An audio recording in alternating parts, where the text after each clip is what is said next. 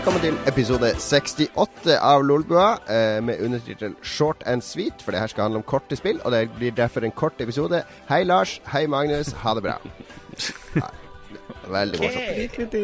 Neida, det, skal handle om, eh, det skal handle om korte spill i dag. Jeg heter Jon Cato. Jeg har som vanlig med meg Lars, som sitter eh, oppe i Harstad, og Magnus, som denne gangen How are you doing over there? How, are, how is the weather in the United States? Um, jeg, jeg orker ikke følge opp den, så jeg, jeg tar det på norsk. Det er, det er veldig fint vær her. Det er 30 grader og masse sol.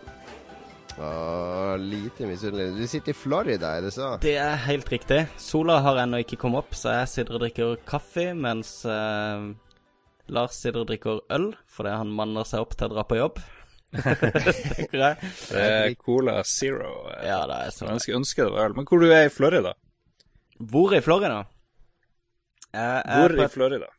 Um, jeg er på et sted som eh, Johan Golden tidligere har kalt for verdens kjedeligste sted. Uh, en uh, liten uh, by, sånn strandby, som heter New Smyrna Beach. Som ligger på østkysten rett en time utenfor Orlando. Er det der eh, den der nye serien som går på eh, Netflix nå, den er Bloodborne? Er det, er det der i traktene? Bloodlines, mener du? Bloodlines, ja. Blood... Blanda med Du er den andre på ett døgn som har kalt eh, den serien for Bloodborne, faktisk. Ja, great minds think alike. Yes. Um, ja, mye mulig. Mye mulig. Det er ganske like omgivelser, i hvert fall. Det vil jeg si. Er det... Men er, er ikke Florida sånn der pensjonisthelvete? Jo, jo. Bare gamlinger der? Altså, dette er jo et kjedelig sted. Dette er jo et sted hvor ingenting skjer. Uh, men på samme Eller på andre sida så må du på en måte Du blir på en måte tvunget til å ta ferie, da. For det er ingenting som skjer rundt deg. Du har sinnssykt svære strender, og that's about it. Og så er det gode shoppingmuligheter, da. Masse handlesentre og innover mot Orlando og sånne ting, så er det litt sånn fornøyelsesparker og sånn, og ja. Litt å finne på der, men det, er- men stort det sett sånn det, det er sånn familietradisjon for deg, hvis jeg har skjønt det riktig. Det er du og dine foreldre og hele familien drar dit hvert år. Nei, ikke hvert år, men det begynte med Mamma jobba i eh, SAS da vi var små. Hun var flyvertinne frem til jeg ble født. Så vi fikk eh, gratisbilletter til hvor vi ville eh, hver påske. Og eh, Florida er et type sånn Det er et sånn ynda sted å reise med småunger, for det, det er veldig oversiktlig og greit, og Disney World og uh, Veldig greit sted å, å dra. Uh, det, det var veldig dyrt på 80-tallet å reise her til. Nå koster det jo ingenting. Koster 5500 tur-retur. Um, Ja, det har blitt billig. men men uh, siden vi hadde åpne Siden vi hadde gratisbilletter, så var det jo null stress å dra her. Så vi har Jeg vet ikke hvor mange ganger vi har vært Ganske her. Det var alltid drømmen min da jeg var barn, var å, å dra du? til USA. Det var alltid min drøm da jeg var barn, var å dra til USA. Men det var jo altfor dyrt da jeg var barn. Ja, det var det som var problemet for mange. Jeg har vært i Disney World eh, jeg tror tolv ganger. så jeg har på en måte Jeg har levd den drømmen, i hvert fall. Du har runda Disney World. Du har funnet alle de hemmelige karusellene nå. Ja, det har jeg. Har funnet alle, alle secretsene. Jeg ville ha jobben til han Erik Diesen da jeg var liten, fordi han fikk bestandig lov å dra til Disney World og de plassene der. Riktig. Ja, han, bo- han reiste overalt og drakk seg full. Han, han var visstnok alkis, er det noe rykte om. Oi. Du hørte det først det, først er- her hvis det er lov å snakke om. Nei, jeg, jeg er ikke han død. Er han død, han? Eller er det lov å snakke Han om må sånn? være død for lenge siden. Håper vi. Vi, får- vi får ta det med advokatene våre etter eh, sending. Ja. veldig hyggelig at du tok deg tid eh, i ditt eh, fulle ferieprogram til å være med på Lolbua, Magnus. Ja, som sagt, klokka er seks om morgenen. Nei, syv om morgenen her nå. Så, så det var ikke så tett programmet for akkurat dette tidsrommet, må jeg ærlig innrømme. Så det går bra. Det skjønner vi. Hva med det, Lars? Det er vel ikke 30 varmegrader oppe i Harstad? Mm, nei, men det har begynt å bli ganske varmt. Det er syv grader plutselig inne i støytene, og så forsvinner all sneen, og så sner det litt, så blir det slaps. Så det er det klimahelvetet som driver og ødelegger. Eh, inkludert at det begynner å bli vår her òg, selvfølgelig. Men eh, det er påfallende hvor lite stabilt været har blitt i Harstad etter hvert. Det er litt kjedelig for oss som liker å gå litt på ski av og til, og ikke bare Ja, men april har jo alltid vært sånn luremåned i Harstad. Det er liksom Nå er det vår, nei, nå er det vinter, nå er det vår, det er Men det har vært sånn hele jækla vinteren. Det begynner å slite på, kjenner jeg. Må kanskje en tur til Orlando, Florida. Du er hjertelig Ja, velkommen eller opp i fjellet, da. Vi har jo det er ganske stabil vinter på Ja. Det er veldig stabilt på fjellhytta vår med, med snø, da. Men, eh, men i Nord-Norge har det kanskje blitt mer ustabilt. Jeg vil forby alle biler og sånne ting. Du får ikke lov å fly på ferie mer, Magnus. Vi skal, vi skal, alle skal tilbake til steinalderen, og vi skal få tilbake istida. Det er mitt mål. Du vil tilbake til istida? Ja, gode skiforhold. og ikke gode forhold for bananer. Nei. Og eh, Magnus Nei, Lars har sett de her Ice Age-filmene, så han tror det er sånn ekorn som jakter på nøtter. Ja, liksom. riktig. Sånn, paradis. Paradis. Paradis på jord. Nei, eh, i Oslo så har jeg, jeg f- f- Påsken min har jeg vært på, eh, på Halsnøy, som er utenfor utfor Stord i Bergen. Og der, hadde, der var vi med på en quiz, da, for der har de sånn påskequiz på den lokale puben, Pub 13, som den heter. Det bor jo bare sånn 2000 mennesker på den øya. Så, så det er en sånn stor begivenhet på Halsnøy, den årlige quizen. Og vi var jo selvfølgelig sånn arrogant Oslo-lag, da, som kom her uh, og skulle konkurrere med de lokale, så det var litt eh, Først så visste vi ikke helt hva vi skulle kalle oss. Vi var inne på å kalle oss De utrygda, men da tenkte vi at hvis vi ikke fikk juling eh, fordi vi var fra Oslo, så fikk vi i hvert fall juling hvis vi valgte det navnet. Men så vi tok et litt snillere navn. Men så endte vi opp med å vinne hele quizen. Det var veldig morsomt. Det var ingen i lokalet som klappa da når det ble lest opp at vi vant. Men, eh, men vi kom oss hjem helskinna. Konge. Så det er veldig, ja, det er veldig fin påske. Jeg var ute med båt og fiska litt. Og uh, det var litt sol. Det var ikke så varmt som det pleier å være. Det pleier å være ganske varmt på Vestlandet sånn i april, men, men satt her, der satt vinteren langt inna, faktisk. Det er jo en klassisk svensk film som heter 'At angjøre en brygge', eller et eller annet sånt. Jeg føler på meg at du har gjort nesten det samme når du har vært på ferie. Jeg er ikke noe båtmann, så jeg har aldri styrt ned båten. Når jeg og min kone har vært ute, så lar jeg hun angjøre de bryggene, og da pleier det å gå greit. Jeg har bedre ting å gjøre enn å angjøre bryggen. Men jeg har vært med og forankra flytebrygge, var jeg med der borte. For den eh, løsna litt under stormen i sommer. Så vi måtte drive og sånn der betonglodd ut på, med en vinsj og ut på havet og surre tau.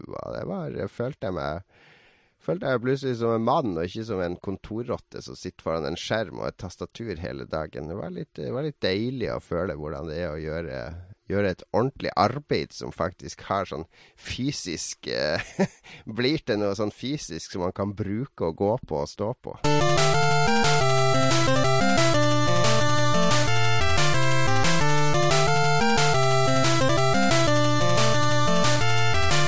Vi skal gå over til temaet vårt, og det er uh, denne uka Jeg fikk en SMS nemlig mens jeg var på påskeferie fra min eh, tidligere kollega Carl Thomas, uh, som jeg jobba med i Game Reactor. Jeg, jo, jeg har jo jobba som redaktør i Game Reactor. Jeg hadde en veldig hyggelig tid der med Carl Thomas, og så kom Magnus inn og tok over. Det var ikke like hyggelig, men Nei, det det, nei da. det, Det var like hyggelig når Magnus kom. Men jeg hadde det veldig hyggelig med Carl Thomas i, uh, i en god stund i i, eh, det, det, er, det er veldig hakkete lyd på deg, Magnus. Så det, noen ganger så hører vi ikke hva du sier i det hele tatt. Hørte du Ja, han det er internett, regner jeg med, som er dårlig her.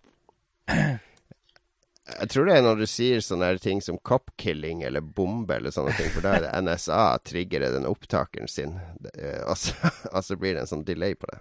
Hvis du fortsetter å si sånne ting, så vil du nok se en sånn, sånn live-opptak av sånn SWAT som kommer inn døra og legger Ja, meg i bakken. det er, hvis det er noen som ser på nå, hva er adressen din, eh, Magnus, hvis du vil ringe til og smatte deg? Det kommer ikke til å Magnus. skje, tror jeg. Er du redd for å bli smatta av våre syv seere? My name is Magnus Tellefsen. I have a gallon of uh, nerve gas here in uh, Orlando. I'm a famous kommer de- terrorist. Her så kommer SWAT, de kommer med gåstol og Altså rullatorer. Så det, det går greit. Ok, men eh, hvis noen klarer å finne ut hvor Marius bor, så er det fritt frem hos Vattan. Uh, meg og Lars eh, blir ikke noe kritikk fra meg og Lars. Eh, men fikk, jeg fikk i hvert fall en SMS fra Carl Thomas, da, som er fast, selvfølgelig fast Lolbua-lytter. Det er veldig hyggelig. Og han er også ute i sånn småbarnspermisjon nå, for han, eh, han fikk seg baby i fjor. Uh, og der sendte han et tips til temaet en gang. Spill for småbarnsforeldre. Etter vi fikk barn, ser jeg at jeg setter pris på helt andre kvaliteter i spill enn tidligere. Kortere spill som er enkle å sette seg inn i, og ikke krever ti timer investering før man får noe igjen. Noe jeg tenker at Destiny og GTA 5 gjør. En av de beste spillopplevelsene jeg har hatt i det siste, er f.eks. Counterspy, som jeg kom meg gjennom på to-tre timer. Topp, deilig å bli ferdig med det, og morsomt underveis. En annen ting er selvsagt Hotline Miami 2. Det er belønnende å bare spille i 15 minutter før jeg må sette på pause og springe og putte i en smokk. Om ikke annet så er dette et lytterspørsmål. Har dere noen gode tips til spill som passer for småbarnsforeldre? Og den spant vi litt videre på og tenkte ja, korte spill generelt. Fordi spillvanene våre eh, forandrer seg vel, er det ikke sånn? Kanskje for dere eh, småbarnsforeldre, for å si det sånn. men jo da, det forandrer seg fra man er barn, men det forandrer seg også med tida. Jeg tenkte på da vi begynte å spille på 80-tallet, så fantes det jo bare kortspill egentlig helt i starten. For da var alle spillene egentlig arkadeopererte maskiner hvor du skulle putte på penger, og så ja, skulle du eh, pøse på med quarters eller et eller annet. Så de første arkademaskinene hadde jo sånn der tidsmål at de skulle vare sånn to og et halvt minutt, var liksom eh, en grei lengde. Fordi da genererte det Eh, så og så mange quarters i timen, så du kunne lage en slags eh, Du kunne beregne sånn cirka hvor mye du ville tjene på en automat, så spill skulle ikke vare så lenge. På 80-tallet så kom det jo automater som du kunne spille ganske lenge på. Sånn der uh, Super Mario Bros var jo f.eks. automatspill og sånn, og det kunne du jo spille på en time hvis du var flink. Mm. Mm. Men, men, det skulle, var jo opprinnelig kort. Men så kom hjemmekonsollene og, og, hjemmespillene, og da ble det plutselig motsatt. Da skulle de vare ganske lenge. fordi Spesielt hvis du spilte sånn Nintendo 8-bits og sånn, så kosta jo et nytt spill kosta jo 600-700 kroner med 80-tallskroner, ikke sant? Mm. Og da Det var jo f.eks. mulig å leie spill, og de skulle helst Hvis du leide et spill, så skulle du helst spille det i 20 timer frem til du leverte det. Det skulle, det skulle ikke være over på fire timer og så levere. Det var sånn når man var kid, så, så leide man spill en hel helg, og da skulle det spilles hele helga. Så lengde, lengde var viktig før, føler jeg, for spill. Eller det var i hvert fall og Det er det viktig fortsatt i mange spillmedier. Spill blir ofte kritisert for å være for kort. Er det noe poeng i å kritisere et spill for å være for kort? Hva, hvor, hvor, ligger den kvalitative vurderinga av at nei, det her er for kort? Er det ikke rundt eh, 10% som eh, i snitt runder spill? Er ikke det en sånn statistikk som, som ligger ganske jevnt eh, over hele linja? jo, det er en litt eldre statistikk, det. Jo. Ja. ja. Men uh, for min del så, så, får jeg mye mer igjen for en, for et, eller for en spilleopplevelse hvis jeg, hvis jeg faktisk fullfører den. Uh, selv om det er et kortspill, så sitter jeg igjen med, med bedre minner fra spillet fordi at jeg har runda det, fordi jeg på en måte har sett slutten av det. Uh, jeg er glad i korte spill, for jeg spiller mange spill. Men jeg forstår mm. samtidig de som vil ha et uh, Dragon Age eller whatever, der de vil bruke 7000 timer på å aldri nå slutten. Uh, og bare drømme seg inn i en verden og bare være der litt. Jeg ser poenget.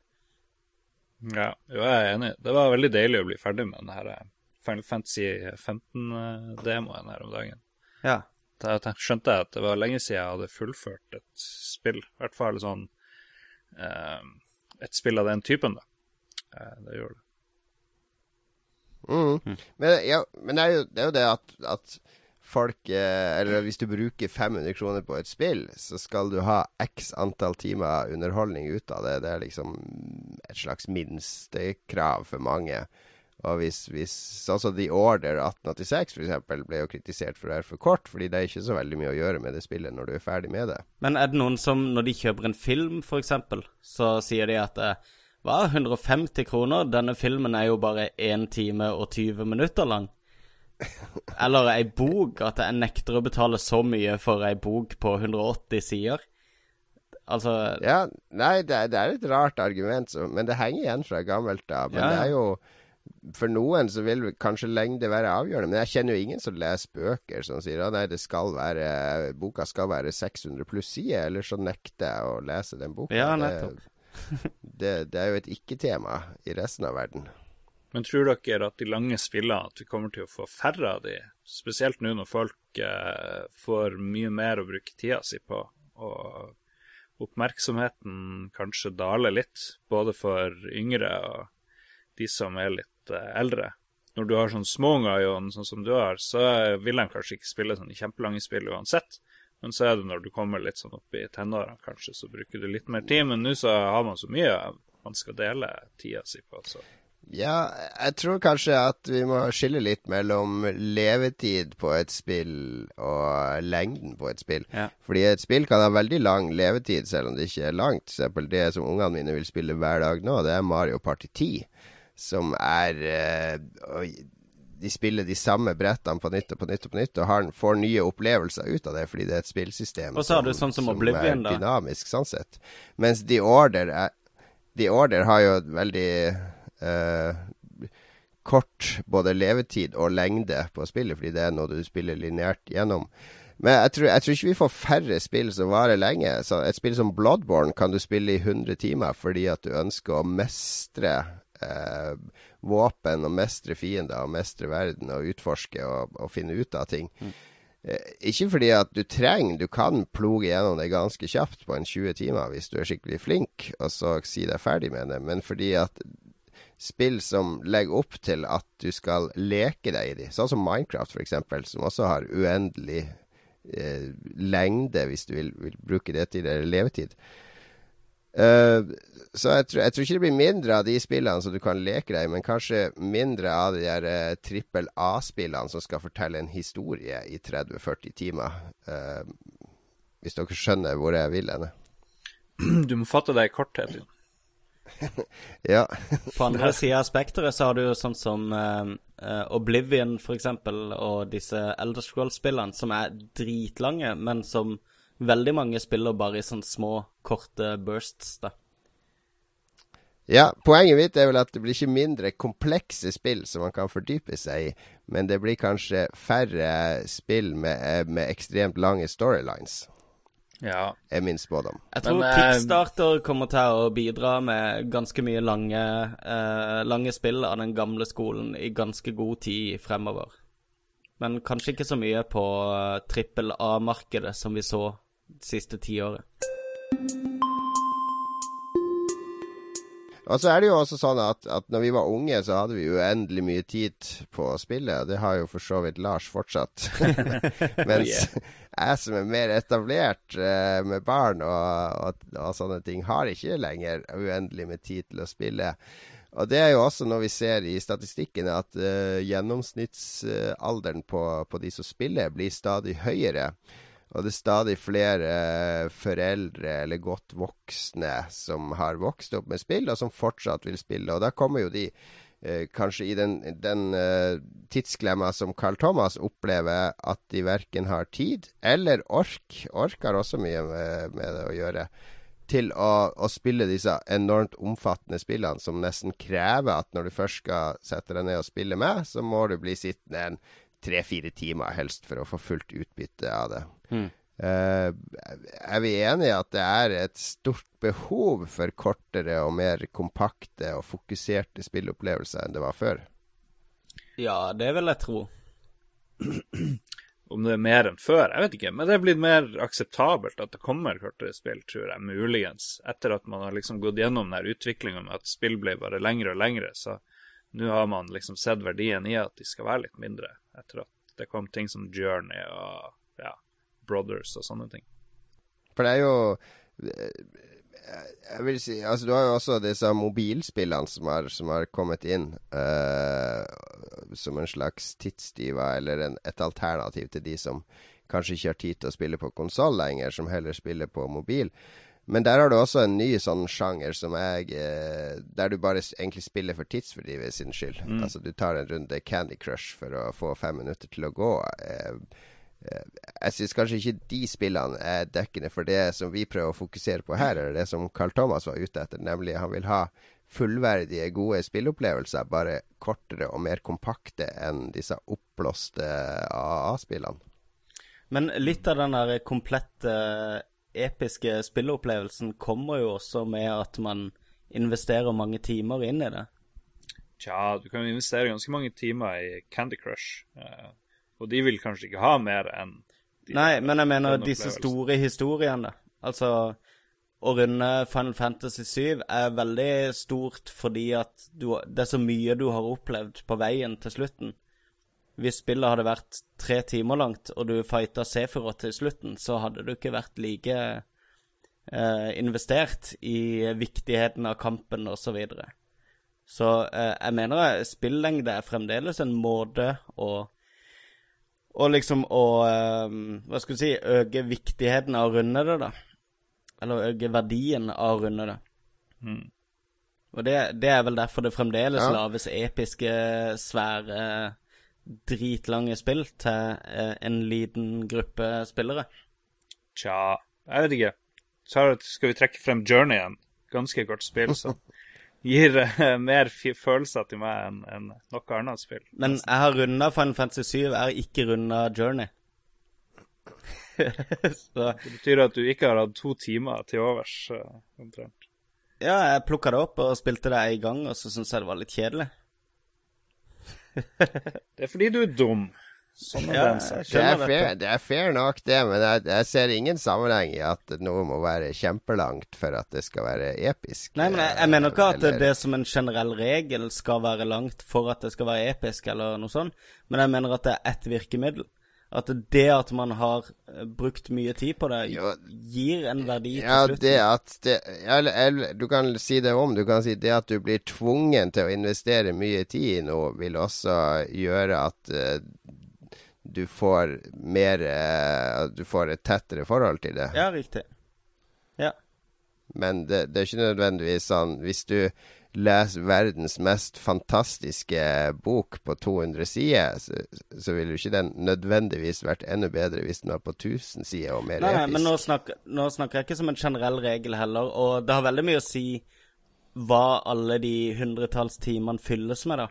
Altså, hvis det er en rein grind, så, så er det selvfølgelig meningsløst å Ja, ja, men da er vi inne på Final Fantasy 7 igjen. Det er jo, det er jo 70% grind og 30 eh, fortelling. Nei, Final Fantasy 7 er spekka med variasjon og spilleinnhold.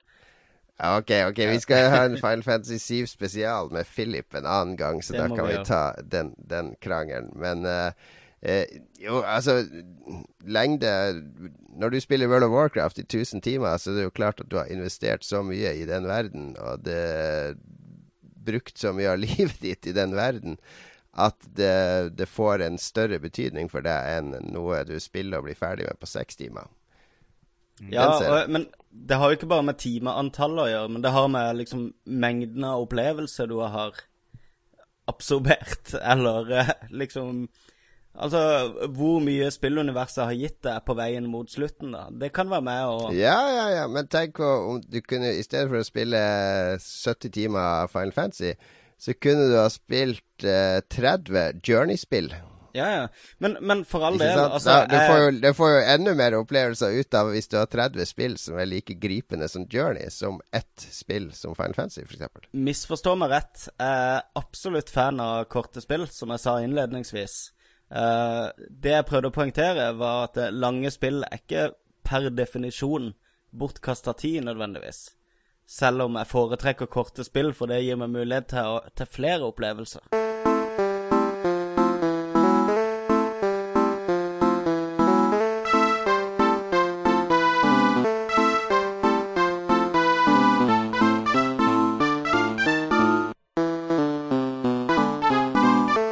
Men skal vi summere opp da med å anbefale tre korte spill til Carl Thomas, og eventuelt alle andre som kanskje ikke har tida lenger. Husker vi hadde en gjest uh, veldig tidlig i Lolbua, Lars han, Jens uh, K. Styve.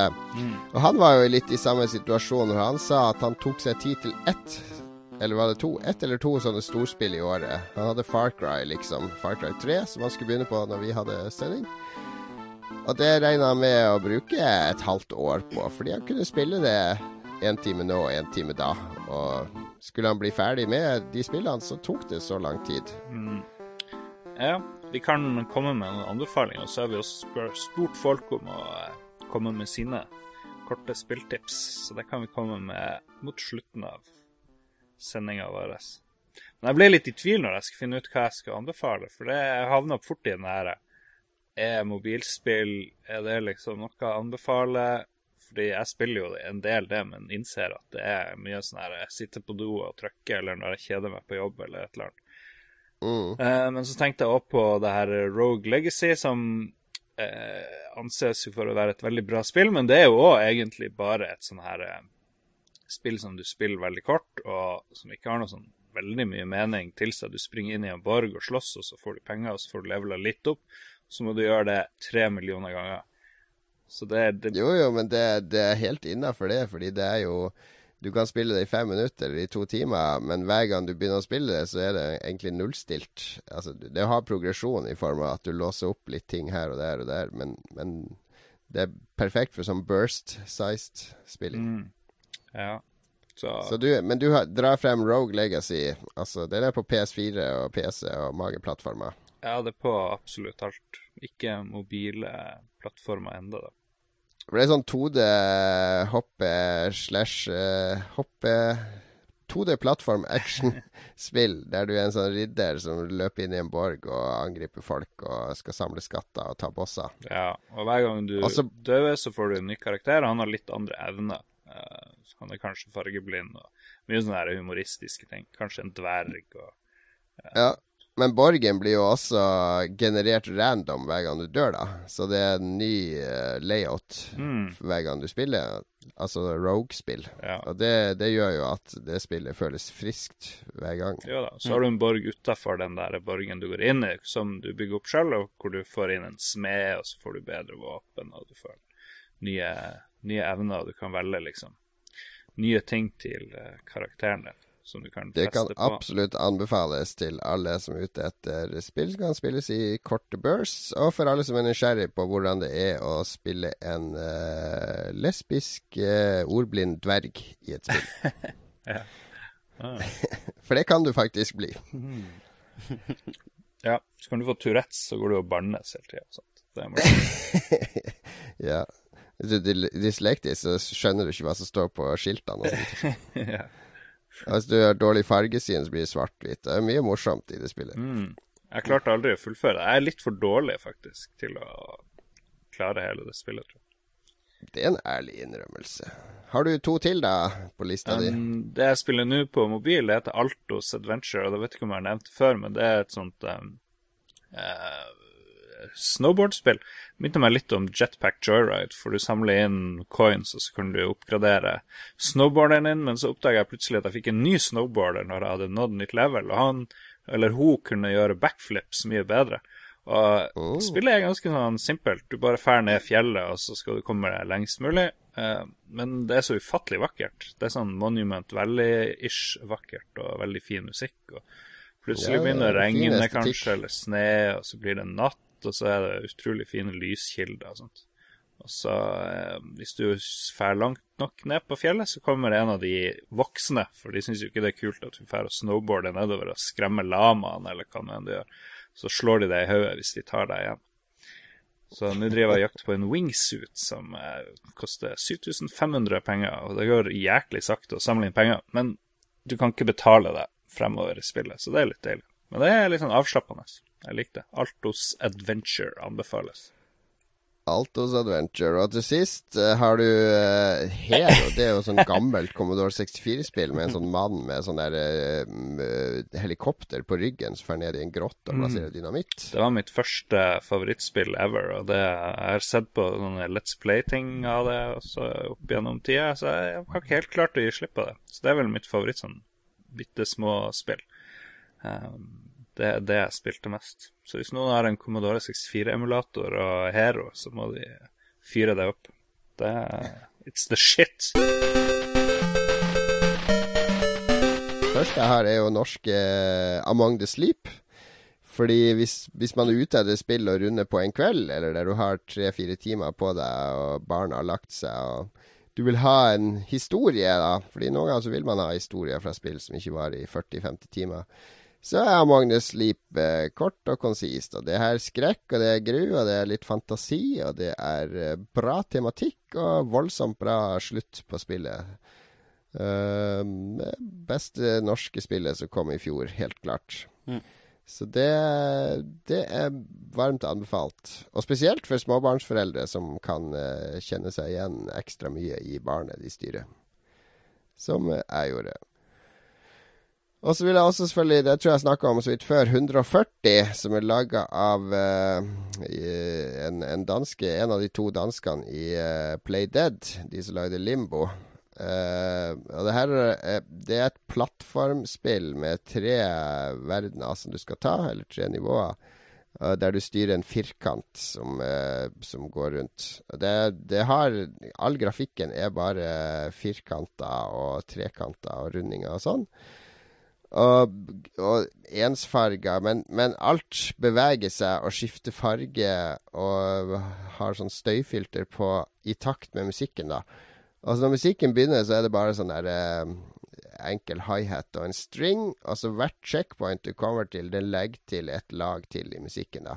Så når du nærmer deg slutten på brettet, så er det som Da er du på diskotek. Da er det Det er det tung, dansk, eh, Trentemøller-aktig tekno som ruller inn i hodetelefonene dine helt til du kommer til bosskampen, som er rent sånn derre eh, res-aktig kamp mot geometriske former. Og så når det er ferdig og alt blir hvitt, og du tar av deg hodetelefonene, så er du helt svett. Og det er akkurat som du har vært på på ecstasy på hyperstate og kommer snublende ut i, i midnattssola, glad og fornøyd. Det er, det er utrolig intens og fin spilleopplevelse som jeg, som jeg spiller igjen og igjen.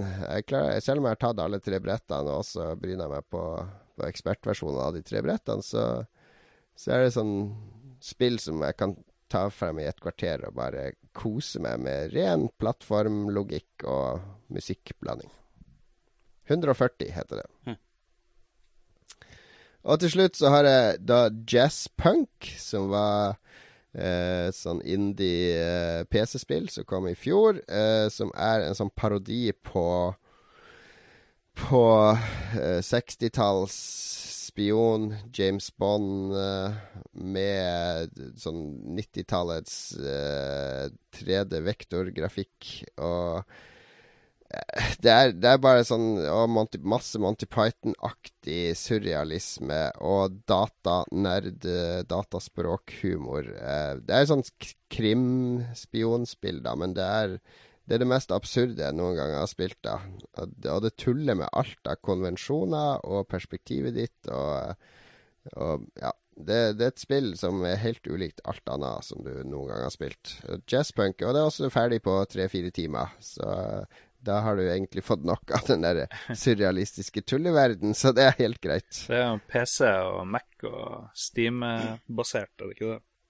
Ja, det må du på Steam for å spille. Men det er hysterisk morsomt, eh, og fullt av referanser til, eh, til alt fra spill og filmer og komiserier og, og ja. Veldig, veldig morsomt laga. Ja, skriv skriver under på det. Kjempebra spill.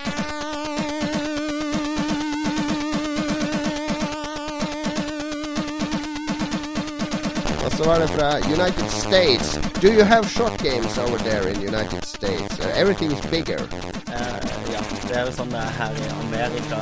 Um, jeg har egentlig tatt utgangspunkt kanskje ikke i spill som det tar kort tid å runde, men som du kan spille i veldig korte porsjoner, og som fremdeles du får uh, Du blir underholdt av det, og som ikke kødder med, med helhetsopplevelsen.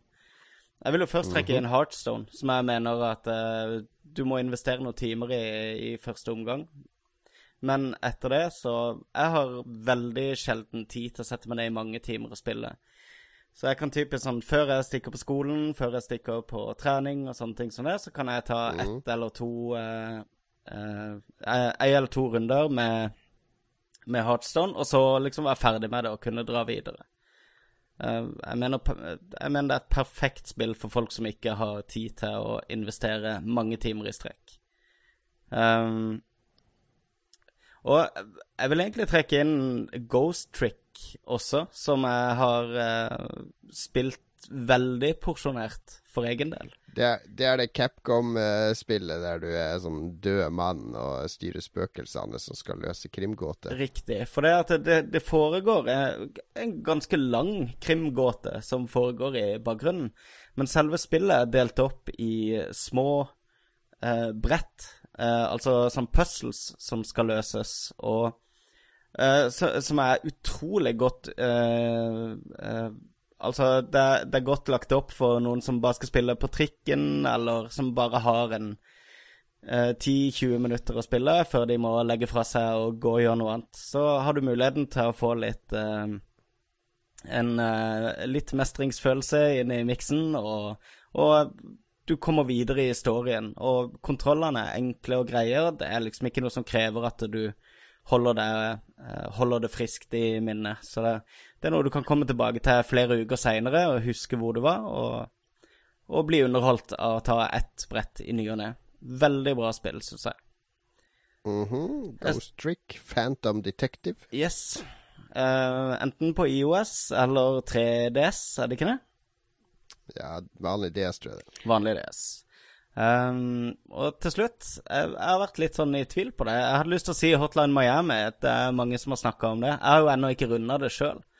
Um, ehm, det er et spill der du spiller et mikrosekund før du uh, uh, faller om, og har muligheten til å Det er typisk hvis uh, trikken kommer om ett minutt, så har du mulighet til å spille to runder med Hotline Miami. så det er veldig utilgivelig, men, eh, men absolutt givende å, spille i veldig korte bursts. Men jeg var veldig i tvil på om jeg skulle si Hotline Miami, for jeg så veldig mange av lytterne våre har også foreslått det. Men kan også trekke inn Diablo 3. Uh, som igjen er et spill med en veldig lang historie, som det tar mange timer å runde. Uh, men der er jeg veldig uenig. Det er jo ikke et kort spill. Det er jo... Jeg er helt uenig. Det tar så lang tid før du har noe kul det Ikke i det hele tatt. Det tar ti minutter å spille Diablo, og så kan du legge det fra deg igjen. Og ikke plukke det opp for jo, lenge til. Men jeg tror poenget er òg at det må ikke føles som et ork. Det tar ikke ti minutter. Ti minutter, da er du fortsatt i den der eh, idiotiske startbyen. Ja, okay, du ikke kommet deg ut av den engang. Det her er poenget med det... spill, så du kommer rett inn i. Okay. Hardstone er greit, du kommer rett inn i det for ja. å spille kort.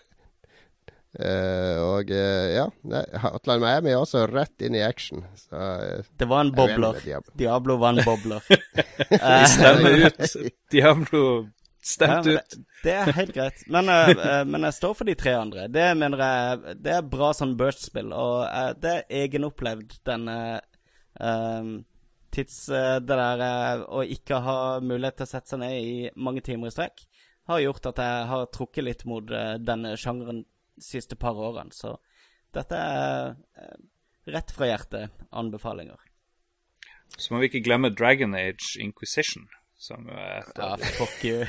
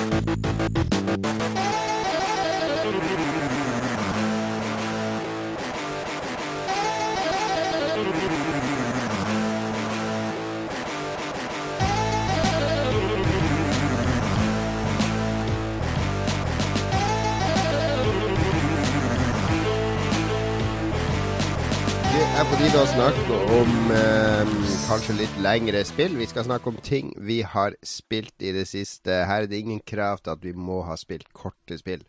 Her kan vi dele det vi har spilt. Og Lars, du har bryna deg på noe som du egentlig ikke hadde så veldig lyst til å spille, har jeg skjønt? Jeg var veldig skeptisk til Bloodborne, men nå er jeg jo eh, Hvis man hvis man plutselig kunne bli scientolog, så har jeg blitt det på sånn Bloodborne-vis. Jeg er klar til å, til å følge Tom Cruise eh, og uh, han derre Miyazaki sine ord. Du er klar til å banke kona på kommando? var, du, du, har blitt frelst, endelig. Blitt Praise frelst, the sun. Ja.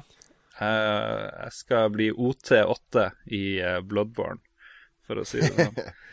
Men hva var det, hvordan skjedde Du har aldri vært inne i de Souls-spillene før. De har du avfeid. Jeg trodde de var så jæklig vanskelige, fordi da jeg prøvde et av de her Souls-spillene, så skjønte jeg jo ingenting. Fordi spillene er jo, for, forklarer jo absolutt zero. Jeg gidder ikke lese noe om det, så da bare ble jeg drept masse ganger og tenkte at nå gjør jeg noe feil. Men det jeg ikke visste, det var at meninga med de her eh, Souls-spillene og Bloodborne er at du må dø ganske mange ganger.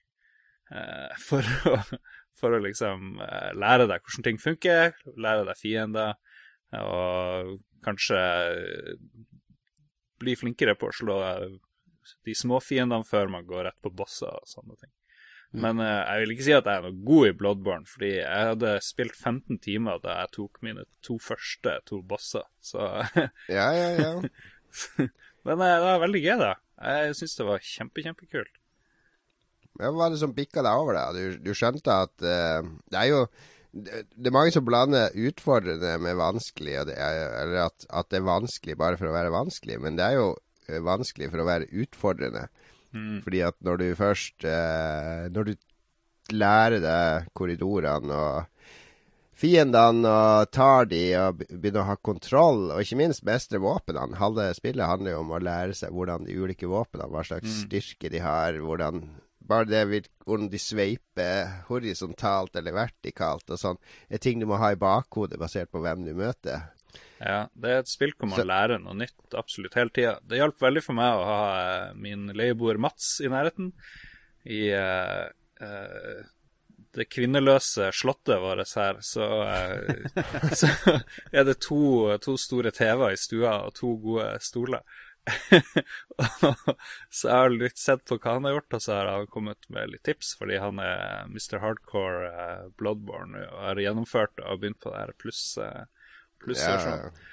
Men uh, nei, det er fantastisk, altså. Det er, først så begynner du i et sånt lite område av den her byen Jarnheim, og så føler man til slutt at man kjenner den det stedet ganske godt, og så blir du kasta ut i et nytt område, og da er det veldig, veldig det er en sånn utrolig deilig følelse å komme ut i et helt nytt område i det der spillet etter at jeg hadde brukt 15 timer i det første lille starterområdet. Ja, ja. Men der, det er fortsatt porter og sånn igjen i startområdet som du ikke har åpna ennå, som du kommer til å komme tilbake mm. til via det her området osv. Ja, ja. Jo da. Nei, så Og så det er så mye, det er så mye nytt for meg, da, siden jeg ikke har spilt de andre spillene. Det, det de som er veteraner av uh, eh, Demon Souls og alt det her, de, de, vil jo kjenne igjen mye av det her. Men det er som å spille Zelda og et Metroidvania-spill i 3D, og at de har fanga alt som er bra med, med, de spillene, da, på et vis. Og bare tatt det til et, et nytt nivå, for å si det sånn.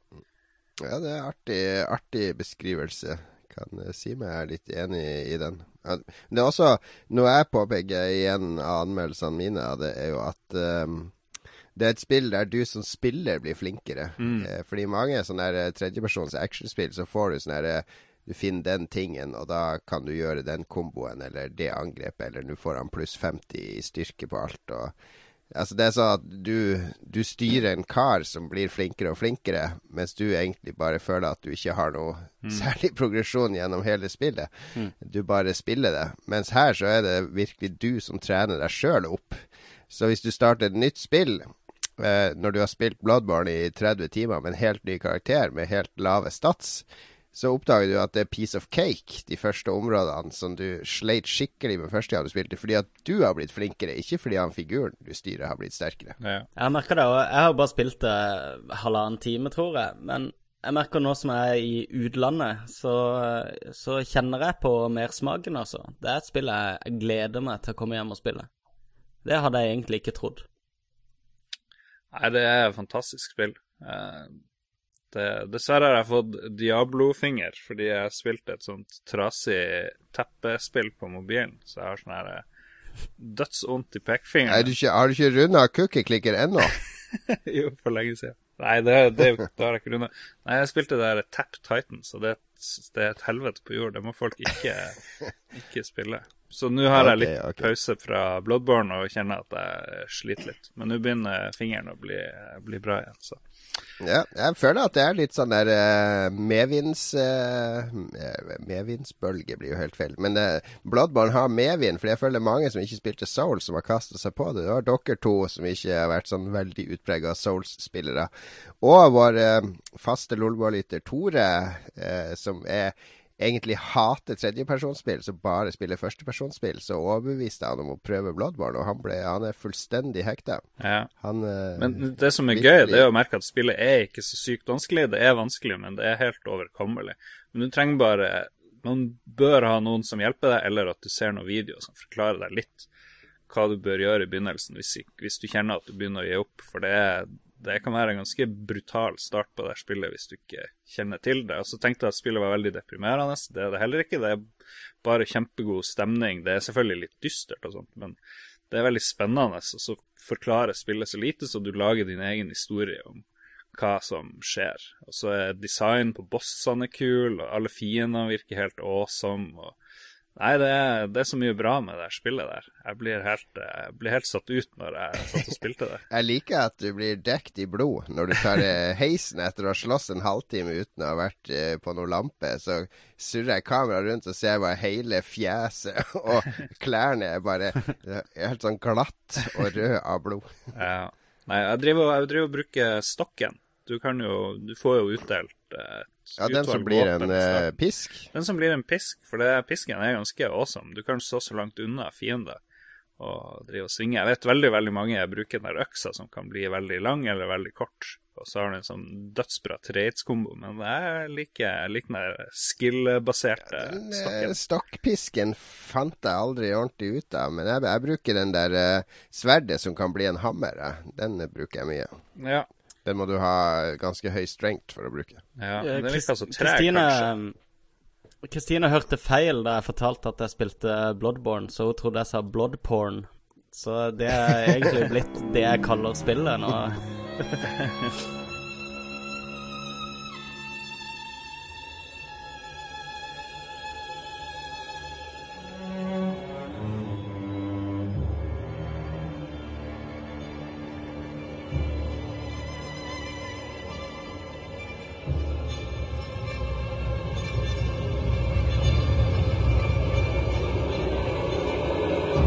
Jeg har spilt eh, Jeg hatt påskeferie. Jeg spilte veldig mye Monster Hunter 4, men det har jeg prata mye om før. Men jeg har også spilt uh, kickstarter-finansiert uh, Pillars of Eternity, som vel samla inn fire millioner dollar.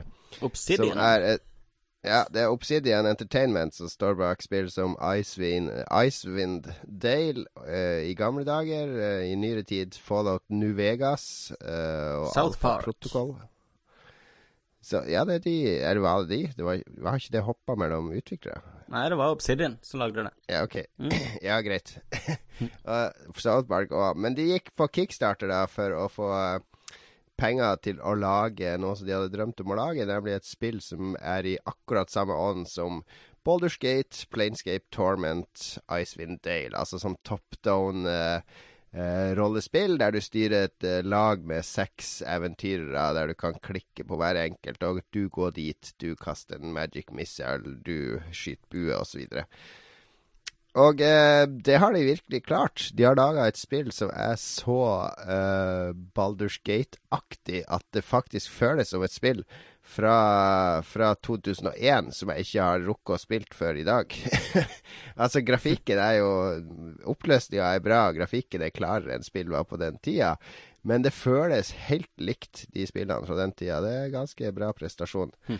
Um, du en sånn Du lager deg selvfølgelig en kar, og så har de ikke Dungeons and Dragons-lisensen, så alle statter er bytta ut med andre navn, da, men det er fortsatt sånn der uh, Det føles som det og det, da, i grunnpremisset, og du har liksom Defense Power, eller hva det heter, som er Armor Class osv. Og, så og magikere og tyver og prester og fightere.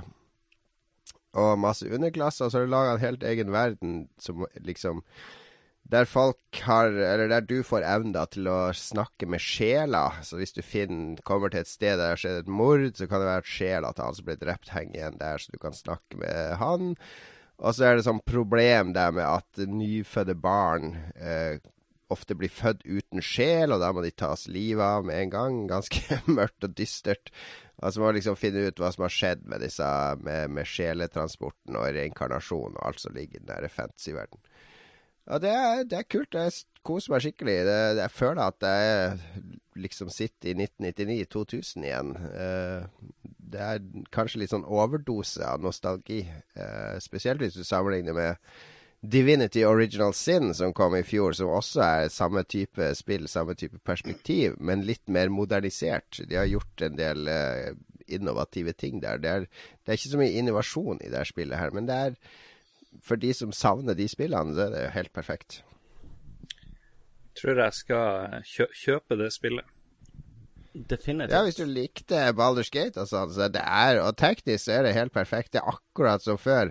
Uh, helt ned til alt det du irriterte deg over, at når magikeren din blir angrepet, så står fighterne rundt, og sånn, så skal du prøve å få han flytta bort, så står han og henger seg opp i de andre og kommer seg ikke forbi. Og det er ikke så mye sånne irritasjoner, men de er der, de òg.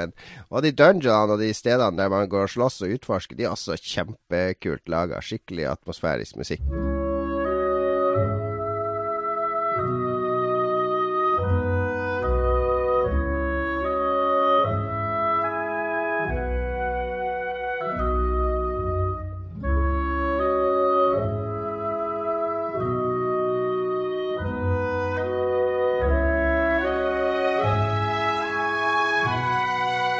Hva med United States? Er det kommet noen kule spill der borte som ikke har kommet hit ennå? Um, jeg var faktisk i, jeg var på en GameStop uh, her om dagen, faktisk, og kikka. Og uh, det er rart åssen den digitale alderen har bare sparka beina totalt under den opplevelsen av å besøke amerikanske spillbutikker. Um, nei, det var ingenting jeg hadde lyst på der. uh, det, nå kjøper vi jo spill eh, digitalt med en gang de lanseres. Og uh, verdenslanseringer har jo blitt standarden, så Så utrolig lite interessant egentlig å besøke butikker. Og i hvert fall at du gidder jo ikke kjøpe bruktspill, for du foretrekker jo ikke det fysiske formatet, gjerne. Og det er litt annerledes, merker jeg nå, enn det det pleide å være å reise til USA og besøke spillbutikker.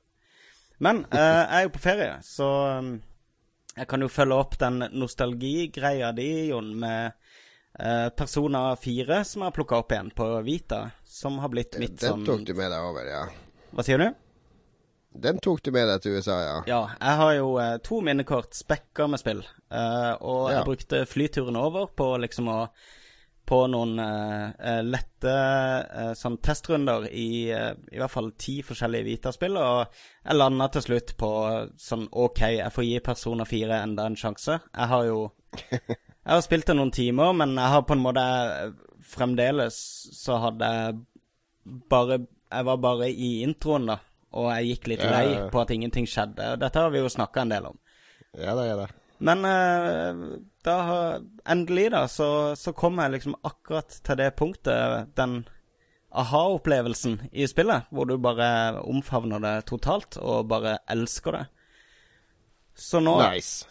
Det er så ufattelig kult. Jeg kan, jeg kan forklare kjapt hva det er. Det er et uh, veldig tradisjonelt uh, uh, japansk rollespill med en god del artige vrier og nyvinninger, men i bunn og grunn så fungerer det som et hvilket som helst japansk rollespill.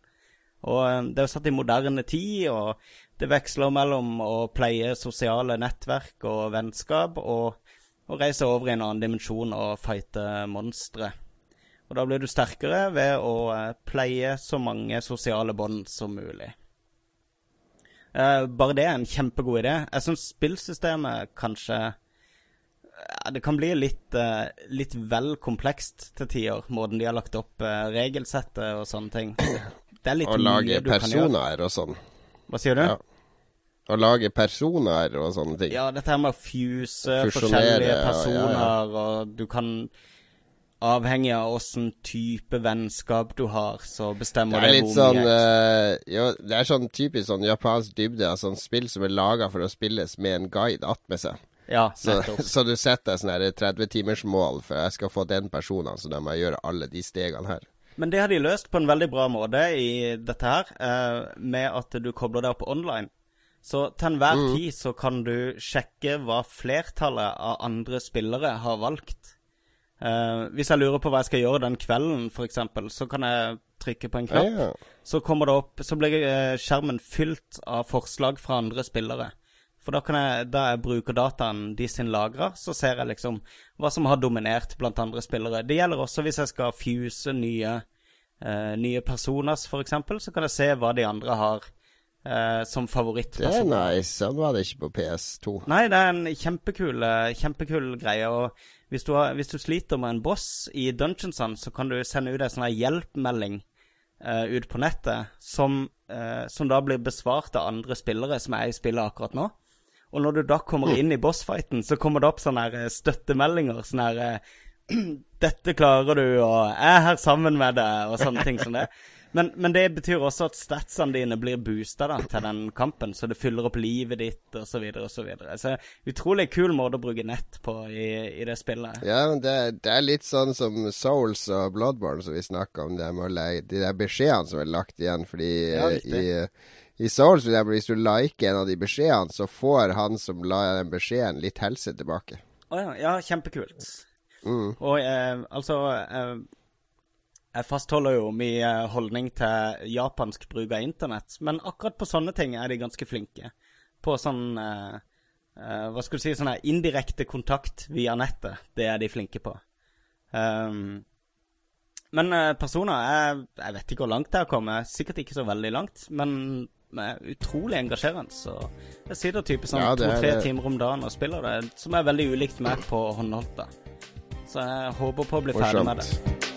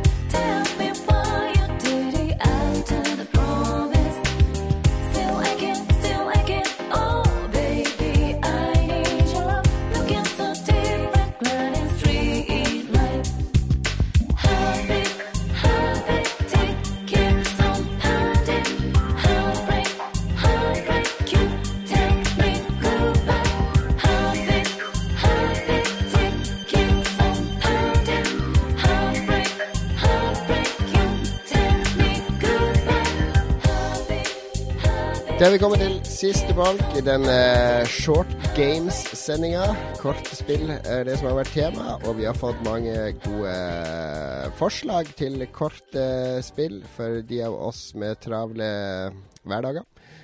Som vanlig så er det uh, Han er ikke Lolbuas korteste, men han har kanskje Lolbuas uh, verste korttidsminne.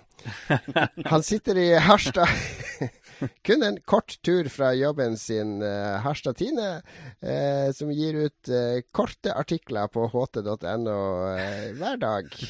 Herregud. Og det går mot eh, kortere vinterdager i nord. Og Lars, er du klar for spalten din? Vær så god. Jeg skal, jeg skal sende en uh, sånn her uh, torpedo hjem til deg, Jon.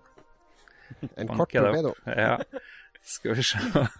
Eh, vi, ba om, uh, vi ba om korte spilltips, og det har vi fått, som Jon eh, sa, på langt vis. En av de som ikke har uh, fått seg veldig i korthet, er han Daniel Nystad, som har mye interessant å fortelle. Han sier at Hotline Miami på Vita er perfekt når man er ute og reiser. Et par omganger Fifa med naboen mens man drikker kaffe og blir beskyldt for å ha øvd siden sist. Han var på besøk, er også et tips, um, men det ultimate korte spillet er selvfølgelig Kabal, som jo man også kan spille på data. Uh, for det er tross alt et kortspill. Eh, hvis man sitter mye fremfor PC i forbindelse med jobb, så er det godt å ta pause med musikk på øret og litt kabal. Da går hjernen min i dvalemodus. Eh, PC vet det heter solitær, men jeg sier kabal. Det er slik jeg er oppdratt, sier Daniel er bra. Bra oppdragelse. Ja. God oppdragelse, ja. Definitivt. Hadde en liten Ja. Ja, hadde en liten uh, kabal uh, hangup her for noen eh, måneder siden. Så det er Ja, det er ikke så dumt, det. Det heller. Men er det, er det kult og er det greit å spille kabal på TV eller på en skjerm? Men er det er, litt flaut hvis du drar fram kortstokken og sitter ved kaffebordet og begynner å legge en fysisk kabal, er det ikke det? Da, da er du litt bestefar. Hvis du er over tolv år, så Eller under 80, så syns jeg det, ja. Det må være Hvis du ikke er mellom 12 og 80, så er det greit å legge fysisk kabal. Ja. Jeg er litt, jeg er litt uenig. Kabal er, det er multi, multialderspill. Jo, men som et fysisk spill, legger du opp en kabal inniblant? Nei, jeg, jeg vet ikke. Jeg har ikke gjort det. Men jeg tenker hvis jeg brekker foten, så skal jeg, skal jeg forske meg. Kjøpe meg en kortstokk. På neste hyttetur så skal vi la, love i en video av Lars etter ti tyrkershot. Så skal vi filme Lars som legger en fysisk kabal. Spiller fysisk kabal med seg sjøl. Let's play. Let's play. Eller Let's Play fra hytta med kabal. Eh, Med kommentarspor av Knut. Bra, bra, bra. Han eh, Mangrud Takk for tips, Daniel, forresten. Ja, takk. for tips. Han Marius Leirones sier han har kost seg med Megaman 3 i det siste. Det er hans kortspilltips. Pluss Child of Light og Transistor var også korte, men supre spill. Jeg vet ikke hvor kort Megaman 3 er egentlig, men Child of Light og Transistor er jo rimelig. De er fine spill eh, til, til Carl Thomas og alle andre som er ute etter ordentlig spill-spill, men som ikke varer i en evighet, og som man kommer fort inn i. Det er veldig fint. Men Megaman er et morsomt tips egentlig fra Marius, fordi jeg har også spilt en del Megaman-spill i det siste. Jeg har de på DS-en min. Eh, flere av de, og, og det er sånn uh, jeg, jeg har jo sett på lista, og det er jo sånn alltid åtte sånne bosser i Megaman. Altså man, hver gang man, tar en boss, så får man et nytt våpen. Så man, det er en sånn optimal rekkefølge, da. Så de listene har jeg sett på på Gamefax, selvfølgelig. Så jeg tar liksom én og én boss. Fordi det som er fint med DS, er at uh, han lagrer jo hvor du er når du slipper det passordet at spillet starter på nytt. Så når jeg tar en boss, så er jeg liksom klar til å ta neste. Da kan jeg slå, slå av DS-en og fortsette en uke etter. Jeg har ingenting å si, den her kontinuiteten, fordi hver, hver, hver boss sitt område er liksom sitt eget område. Så det, det er veldig fint som Burst-spill, de Megaman-spillene, de opprinnelige. Det hjelper jo at, eh, at storyen er helt hinsides i Megaman-spillene, sånn at Ja, eh, det er jo ikke noe story i det hele tatt. Det handler jo bare om å løpe, hoppe og skyte og lære seg fiendene. Eh, men, og de er kjempe, kjempevanskelige, da. Men, uh, men jeg spilte de jo aldri da de kom, så for meg så er det veldig morsom spillhistorisk tilbakeblikk å kunne spille ti minutter Megaman her og der. ja. Han eh, Torbjørn Malkenes er en mann med god smak, for han sier helt klart 'Journey'. Utropstegn. Alt er magisk i det spillet, and that music. Og det klarer jeg ikke å være veldig uenig i. Ja, musikken til Journey, spesielt den der 'Don't Stop Believing', er jo veldig bra.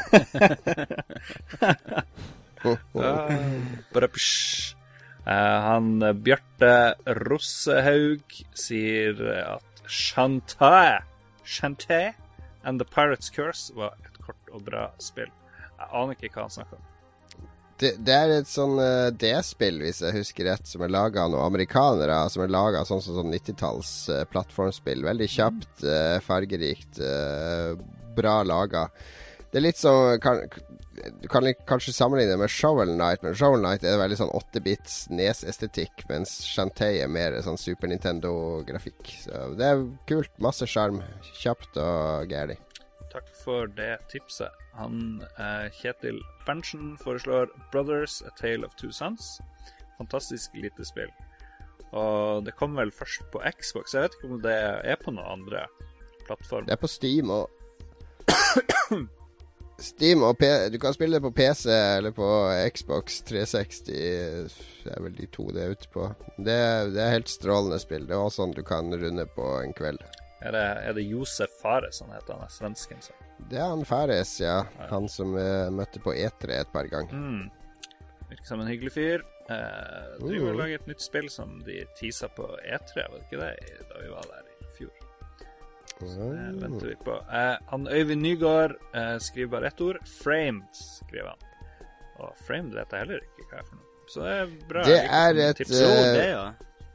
Ja, mobilspill der du Det er liksom en slags uh, tegneserie der uh, handlinga går fra frame til frame, da. Så det er sånn animasjon i hver frame da som skal fortsette i neste frame. Og så din jobb er da å stokke om på de bildene, da, sånn at uh, tegneserien henger sammen. ja. Og at uh, det går bra med hovedpersonen i stedet for. Ja, At hovedpersonen ikke blir fanga eller drept, for du, du er på flukt fra fra politiet og skurker her. Eh, det er ganske morsomt. Utrolig fin estetikk i det spillet. Det er sånn silhuettanimerte live actors. Så det er kjempekult. Mm, han eller hun Dore Uh, sier at mitt innspill er noe så enkelt som Max Payne 2. Trenger ikke avklare hvor fantastisk spillet er, for det vet dere. Og Max Payne 2 det har jeg helt glemt av. Jeg husker ikke om det var et veldig kort spill, men jeg koste meg. Jeg lurte på hvordan det holdt seg opp, eller hvordan det holdt seg i dag. Altså. Jeg prøvde å spille eneren igjen for eh, et par år siden. Og det var en, en gjennomført grusom opplevelse. var, eh, sånn spillteknisk så er det bare dritt, egentlig, nå. Ikke fordi spillet var dårlig da det kom, for det var det ikke. Det lå langt foran de andre, men fordi det har ikke eldes godt. Sånn spill i den sjangeren sjeldent gjør. Men det, Så det faller det det vel handler mye om å bare kaste seg i lufta. Ja. Det er kul, kule de der eh, bullet time-eventa, men det er vel eh, jeg vet, jeg vet ikke om det er så veldig kort. Hvis du har spilt det mange ganger, så klarer du sikkert å runde det på en to-tre timer, men det faller vel litt utafor det vi er ute etter, sånn konkret. Ja. Ja, speed, og speedrunne Super Mario tror jeg ikke går i kategorien bruke lite tid på spill. uh, han Grimnir uh, gjentar et spill vi allerede har nevnt. Brothers. Uh, går den på en kveld? Det tror jeg garantert går på en kveld. Men det er et spill man koser seg med, uh, syntes jeg. da. Ja, veldig. Det er nok et sånn superkort spill som jeg bare syns var dritkjedelig, som jeg aldri har plukka opp igjen. Jeg tror jeg er for uintelligent. Jeg, jeg lurer på om det er intelligensen min det står på dette her. Eller eventuelt på oppmerksomhets... eh, nei, eh, attention-problemene mine. Smaken er som baken, så det, det Jeg tror ikke det har noe med intelligensen din å gjøre. Du har jo fått så mye prøvde å spille litt videre på, på dine påstander om mine påstander om Journey. Så, ja, det det. som jeg fremdeles mener er et møkkaspill. Nei da, det er et kjedelig spill, syns Du fikk, du fikk så mye bra karakterer på det her eh, Bay Fancy Pants-studiet ditt, så jeg tror ikke du er så Ja, dum. det, var idet jeg begynte å få gode karakterer på BI, så, så begynte jeg Så likte jeg Journey mindre og mindre. Det, det er en sånn omvendt korrelasjon, som det heter. Jesus. Skal vi se. Han eh, Tom Ødegaard eh, kommer òg med en gammel klassiker, Resident Evil 2. Eh, tror det er spillet jeg har rundet flest ganger og fått fullført. Leon sitt A-scenario har han tatt på 1 time og 57 minutter. Holy shit, sier jeg bare. Men det tok ikke er 1 time og 57 minutter å gjennomføre og komme til det punktet. Det nekter jeg å tro. Jeg tror du har Tom, jeg tror du har brukt over 100 timer på å klare Leon sitt A-scenario på to timer. Ja, vi, vi, spa, vi, tar, vi sparer Tom sin tweet og tar den med igjen når vi skal ha vår uh, speedrunning-spesial. Yes. For det er mer det Tom svarer på her. Uh, yes. Mm, han, eh, vår venn Martin Herfjord sier at han hadde eh, veldig gode opplevelser med The Banner Saga og Bastion. Hvis ikke de er kort nok, så har vi f.eks. The Stanley Parable. Stanley Parable er et, eh, det er et veldig bra forslag, syns jeg. Det er et sånt spill som bare lever og lever og lever, for du, du, det er så ufattelig mange kombinasjoner av valg du kan gjøre underveis som endrer på, på hele storyen og hele opplevelsen. Og det tar jo hva, ti minutter å spille gjennom. Absolutt. Mm. Det er eh, Ja, et spill du bare kan tulle rundt i en time, to timer, hvis du vil. For et bra spill. Mm. Veldig bra tips, eh, Martin. Så nevner han Bastion Men, òg, eh, men det tror jeg tar ganske lang tid å spille. Ja, Bastian er ganske langt, men det er, det er også sånn at du kommer rett inn i det, så jeg vil eh, Det er ikke sånn Jeg tror mye av problemet med mange spill er at f.eks. Assassin's Creed, som jeg nesten ikke klarer å spille Eller som jeg spiller jo og anmelder de, men jeg føler at de spillene er bare sånn evig lang tutorial. At jeg liksom aldri kommer til et sted i det spillet der det bare er mitt spill som jeg skal løpe rundt og leke meg i. Ja, du får aldri lov til å liksom tenke ut sjøl når du skal bruke sånn superskills og Mm. spesialvåpen. Ja, det, er, det tar altfor lang tid å lære meg om spillet og verden, og hva jeg kan gjøre, og hva jeg får lov til å gjøre. Og når fire-fem timer går med til det, så, så faller I hvert fall hvis jeg skal ta premisset til Carl Thomas, så er det altfor mye å be om for, for å, når jeg har tid å spille to-tre timer en kveld. Akkurat som Ja, det grusomme spillet Bloodborne, med andre ord.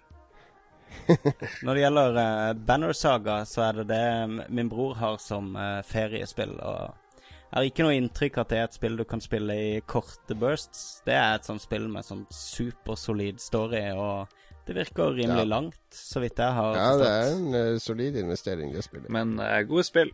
Jeg anbefaler både Absolutt. Absolutt. begge de. Og mens vi har holdt på her og fjasa live, så har han Dag Thomas Olsen eh, kommet og sagt hva han mener om Pillars of Eternity, som du har snakka om, Jon. Han sier at all den teksten ble han sliten av. Det var veldig artig de første ti timene, men de neste 32 ble litt langdryge, men flott laga. Ja, uh, ja, det er mye tekst, men uh, herregud, jeg er nå vant til å lese. Det, jeg sier ikke noe Jeg leser heller én side tekst enn å se fem minutter uh, elendig cutscene. Og alle cutscenes nesten er elendige hvis de var i fem minutter, spør du meg, i spill. Da er vi mot slutten på vår korte sending. Yes, det har vi kommet til. Eh, neste episode er episode 69. Sa han med, med en slibrige undertoner.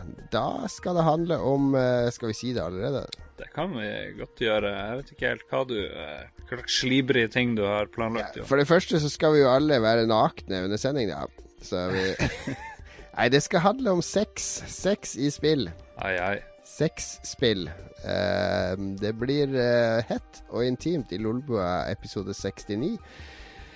Idet vi eh, tar opp eh, noe som har vært tabu i spill i mange år, men som noen spillskapere prøver å lage spill rundt. Eh, vi kommer til å snakke om kontroverser, men vi kommer også til å snakke om hvordan sex i spill kan være nyttig, nytenkende, kreativt. Det skjer mye innen uh, inn, eh, sex i spill, så eh, jeg tror det blir et artig tema å snakke om. Bare å finne frem lotion og eh, tenne på talgelysene, så eh, lover Jon en eh, hyggelig opplevelse. Jeg lover en meget hyggelig episode 69. Frem til da så er det du har å gjøre, er å gå inn og følge oss på Facebook. Søk etter Lolbua, så finner du oss der. Følg oss på Twitter, det er at Lolbua. Gå på lolbua.no. Eh, søk oss opp på YouTube. Der eh, har vi også vår egen videokanal Lolbua. Og der ligger det masse Let's Play nå fra Lars. Det gjør det. Tre timer Final Fantasy eller noe sånt. Ja, to timer. Gått gjennom hele, eh, hele demoen der.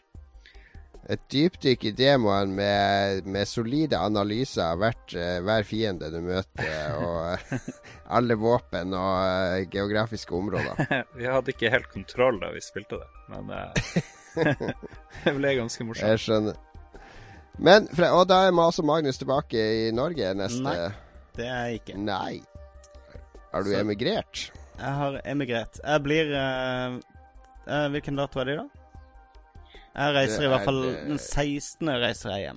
Ok, ja, men da blir det antagelig så må Magnus sitte naken der borte i eh, Florida da, under vår seks sex spesialepisode. Det blir litt flaut da hvis mora, mora di kommer inn og sånn. «Å, Magnus, hvorfor sitter du naken? Ja, vi spiller inn podkast! Det er podkast! Det må bare gå.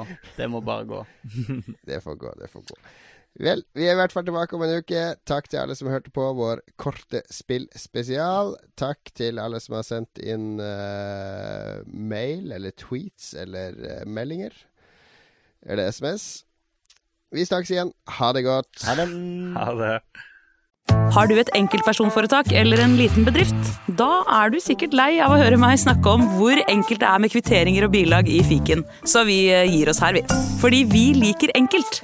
Fiken superenkelt regnskap.